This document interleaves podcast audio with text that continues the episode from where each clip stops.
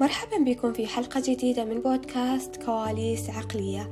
معي أنا هاجر العامري في هذا البودكاست سنتجول معا بين أروقة العقل البشري ونكتشف سويا الجانب الغامض والغريب من مرض نفسي فريد من نوعه.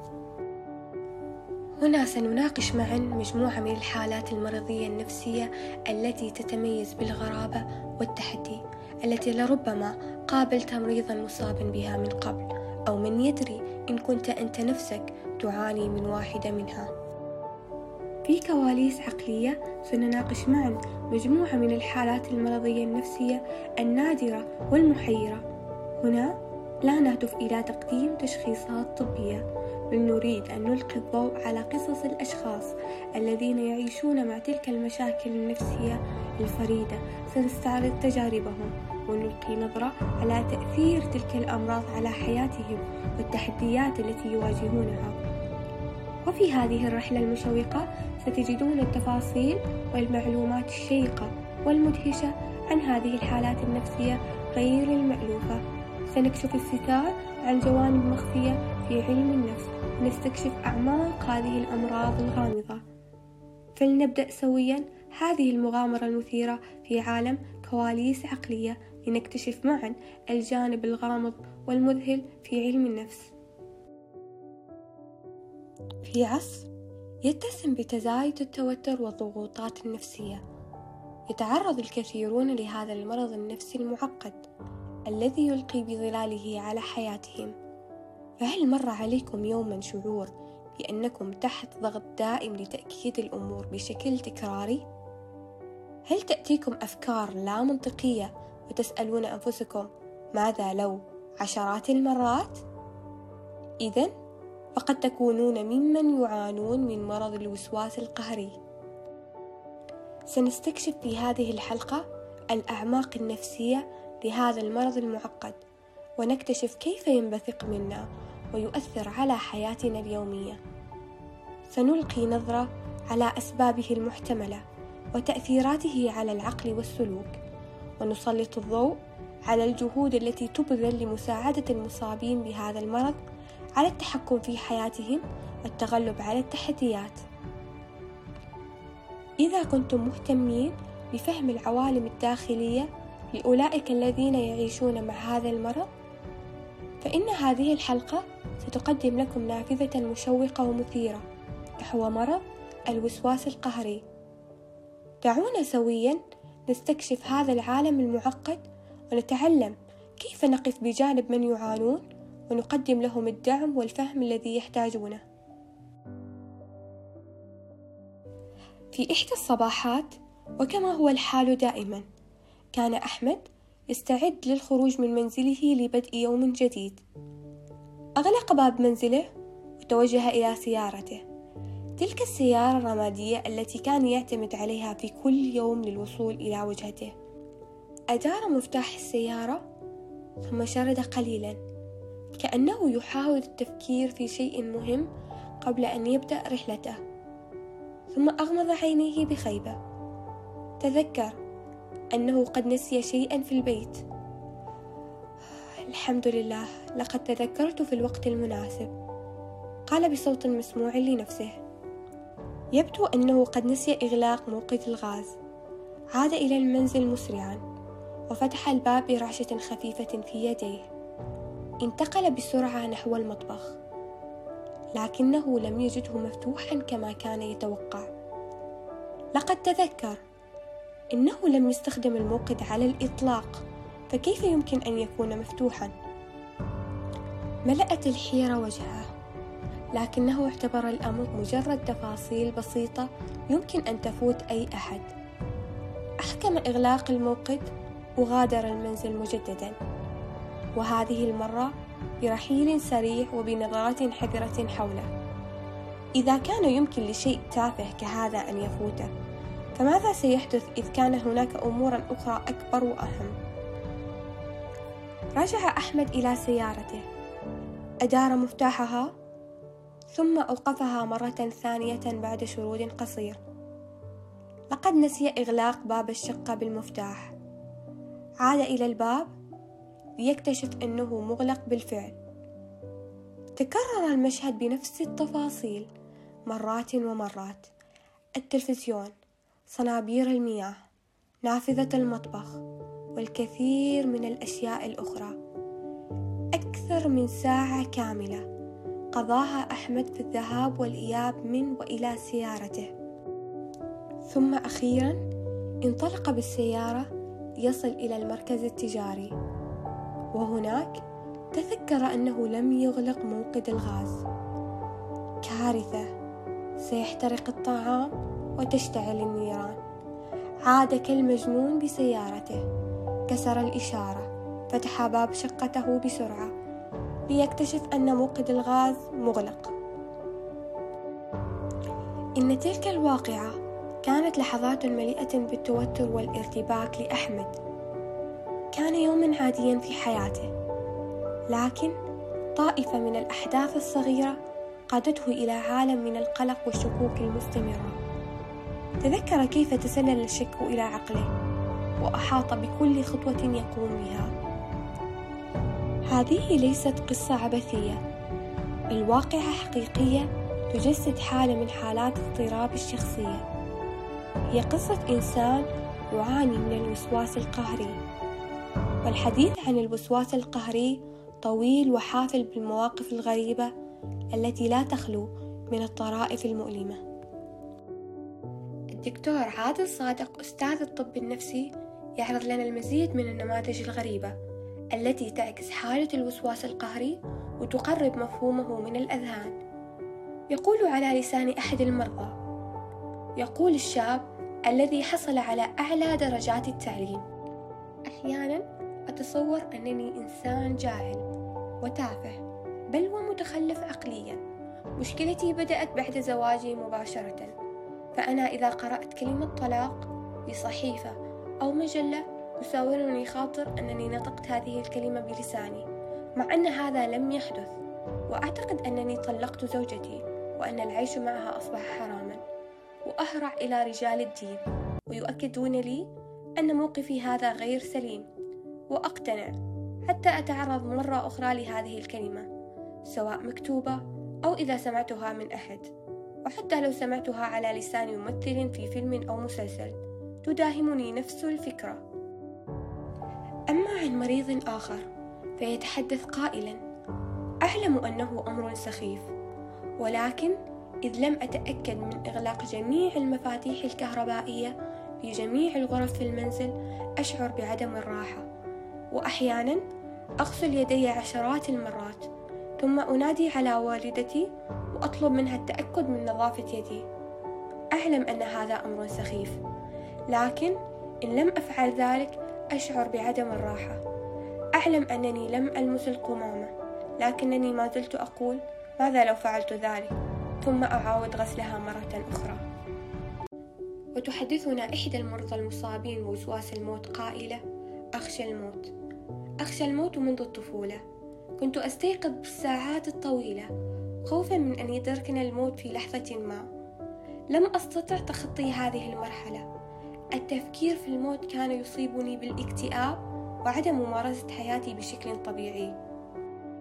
ظللت لسنوات حتى بلغت الخامسة والعشرين من عمري وما زالت هذه الأفكار تؤرقني بشدة. كانت هذه الأفكار والوساوس تمنعني من الاجتماع مع أصدقائي أو التنزه في الأماكن العامة أو حتى زيارة أحد المقربين لأن أفكار الموت تراودني في أحلامي وواقعي. وفي يوم ما تعرضت إلى وفاة أحد المقربين مني في المنزل. يا له من شعور مميت. كانت نبضات قلبي تتصارع ولم أستطع لفظ أنفاسي. وكان البكاء والصراخ المستمر هو الآفة التي تعرضت لها ولم أتخلص منها. بالمناسبة هل لاحظتم المشتركات؟ هناك دائما نوع معين لكل مصاب. البعض يوسوس حول النظافة والبعض الآخر حول الأمان. وقد يصاب أحدهم بأكثر من نوع وغيرهم الكثير. مرض الوسواس القهري هو رحلة غامضة إلى أعماق العقل حيث تتداخل الأفكار والأفعال بشكل لا يصدق. هنا يصبح العقل مسرحا لتلك الأفكار اللامنطقية التي تحمل معها تشكيكا لا نهائيا وقلقا مستمرا. يتسم اضطراب الوسواس القهري بنمط من الأفكار والمخاوف غير المرغوب بها التي تسمى بالوساوس وهي التي تدفعك إلى القيام بسلوكيات تكرارية. تعيق هذه الوساوس والسلوكيات القهرية الأنشطة اليومية وتتسبب في ضيق شديد. يمكنك محاولة تجاهل وساوسك أو إيقافها. لكن لن يؤدي هذا سوى لزيادة شعورك بالضيق. في النهاية تشعر بأنك مدفوع لأداء السلوكيات القهرية في محاولة لتخفيف التوتر. على الرغم من الجهود المبذولة لتجاهل هذه الأفكار أو الدوافع المزعجة أو التخلص منها فإنك تستمر في التفكير فيها. يتمحور اضطراب الوسواس القهري غالبا حول موضوعات محددة. على سبيل المثال الخوف من التعرض للتلوث عبر لمس أشياء قام الآخرون بلمسها. الشك في أنك أغلقت الباب أو أطفأت الموقد. أو التوتر الشديد عندما تكون الأشياء غير مرتبة أو في اتجاه معين. وأيضا تجنب المواقف التي يمكن أن تحفز الوساوس مثل المصافحة بالأيدي. تتنوع أعراض مرض الوسواس القهري بين أفكار متكررة ولا منطقية والتحقق المتكرر من الأمور والشكوك المفرطة وحتى الخوف من العواقب الوهمية. هذه الأفكار تلعب دورا في تكوين سلوكيات تكرارية حيث يجبر المرضى على أداء أفعال معينة بشكل متكرر روتيني في محاولة للتخفيف من القلق الذي يلازمهم باستمرار. تشمل هذه السلوكيات غسل اليدين بشكل قهري حتى تصاب بالتقرح والتشقق أو تكرار الوضوء والصلاة أو الامتناع عن مصافحة الآخرين أو ملامسة مقبض الباب وأيضا تكرار التحقق من الأمور بشكل مفرط مثل الأقفال أو مواقد الغاز. وأيضا من ضمن هذه السلوكيات العد بأنماط معينة بشكل متواصل سواء بصمت أو بصوت عالي. خلال القيام بالأعمال اليومية العادية وأيضا ترتيب البضائع المعلبة بحيث تأخذ نفس الشكل. يبدأ الوسواس القهري عادة في سن المراهقة أو سنوات الشباب لكنه قد يبدأ كذلك في مرحلة الطفولة. تبدأ الأعراض عادة متدرجة وتميل إلى التنوع في شدتها على مدار العمر. قد يصاب الأغلبية ببعض التصرفات الوسواسية في مرحلة ما من حياتهم. أو قد تكون جزءا من شخصياتهم. لكن ذلك لا يعني بالضرورة أنهم مصابون باضطراب الوسواس القهري حيث يجب زيارة الطبيب عندما يلاحظ الشخص أن المرض يعيقه عن أداء المهام اليومية ويجعله يهدر الكثير من الوقت. تعد أسباب مرض الوسواس القهري أمرا معقدا حيث تتداخل عوامل متعددة لتشكل هذه الظاهرة النفسية. إحدى العوامل المحتملة هي الوراثة حيث يمكن أن يكون هناك ارتباط بين وجود المرض في أحد أفراد الأسرة كما أن تفاعل الكيميائيات في الدماغ قد يلعب دورا. فهناك توجه للتفكير بأن هناك توازنا كيميائيا مختلفا في المخ لدى المصابين بهذا المرض. وأيضا الضغوطات البيئية والتوترات الحياتية قد تزيد من احتمالية تطور المرض حيث يمكن أن يشعر الأشخاص بأنهم فاقدين للسيطرة في مواجهة التحديات اليومية. تفاعل هذه العوامل يؤدي إلى تكوين أنماط تفكير محددة تنطوي على التشكيك المستمر والقلق غير المبرر مما يجعلهم عرضة لتطوير مرض الوسواس القهري. تبذل جهود كبيرة لمساعدة المصابين بمرض الوسواس القهري على التحكم في حياتهم والتغلب على التحديات التي يواجهونها.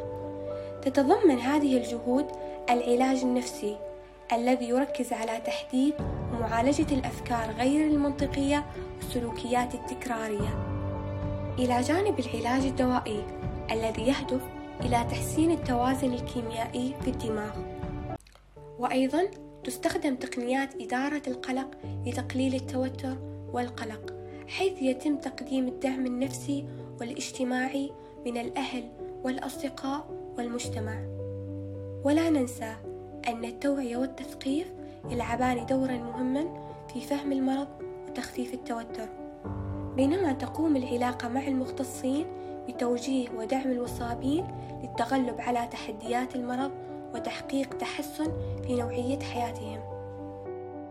إذا كان لديك صديق أو شخص قريب منك يعاني من هذا المرض فتذكر أن الدعم والفهم هما الأهم في هذه اللحظات الصعبة. كن حاضرا بكل جوانبك. اسمع بتمعن وتفهم. دعهم يعبرون عن مشاعرهم دون أن تحكم عليها. تذكر أن مشاركتك لهم الألم والفرح تظهر لهم أنك هنا لدعمهم حتى في أصعب الأوقات. احترم مساحتهم ووقتهم للتعافي وكن مستعدا لتقديم يد العون والأذن المستمعة دائما. ومارس الصبر عند التعامل مع المريض والأخذ بعين الاعتبار جدية مخاوفه حتى وإن كانت تبدو غير منطقية. ساعد المريض على أموره وترتيب الأشياء كما يريد. ولا تنسى طمأنة المريض وتذكيره بأنه ليس سبب حدوث الأخطاء أو الحوادث. وأخيرا لا تنسى تشجيع المريض على متابعة الجلسات العلاجية وإخباره قصصا واقعية عن تجارب علاج ناجحة. في ختام حلقة اليوم من كواليس عقلية أود أن أشكركم على المشاركة معنا في هذه الرحلة الشيقة إلى عالم الأمراض النفسية النادرة. نأمل أنكم استفدتم من القصص الغريبة والمعلومات المشوقة حول مرض الوسواس القهري وأنها أثرت في ثقافتكم النفسية وفهمكم لعالم العقل البشري. ولا تنسوا أن عالم النفس والعقل يحمل الكثير من الألغاز والمفاجآت ونحن سنواصل استكشافه سويا في حلقاتنا المقبلة. فهناك الكثير من الأمراض النفسية النادرة والمثيرة للاهتمام بانتظارنا. وسنسعد بمشاركتكم لحظات مثيرة وقصص رائعة من عالم كواليس عقلية. شاركوا حلقتنا مع من تحبون ودعوهم يشاركون في هذه الرحلة المشوقة معنا. إلى اللقاء في حلقتنا القادمة. وداعا وإلى لقاء آخر.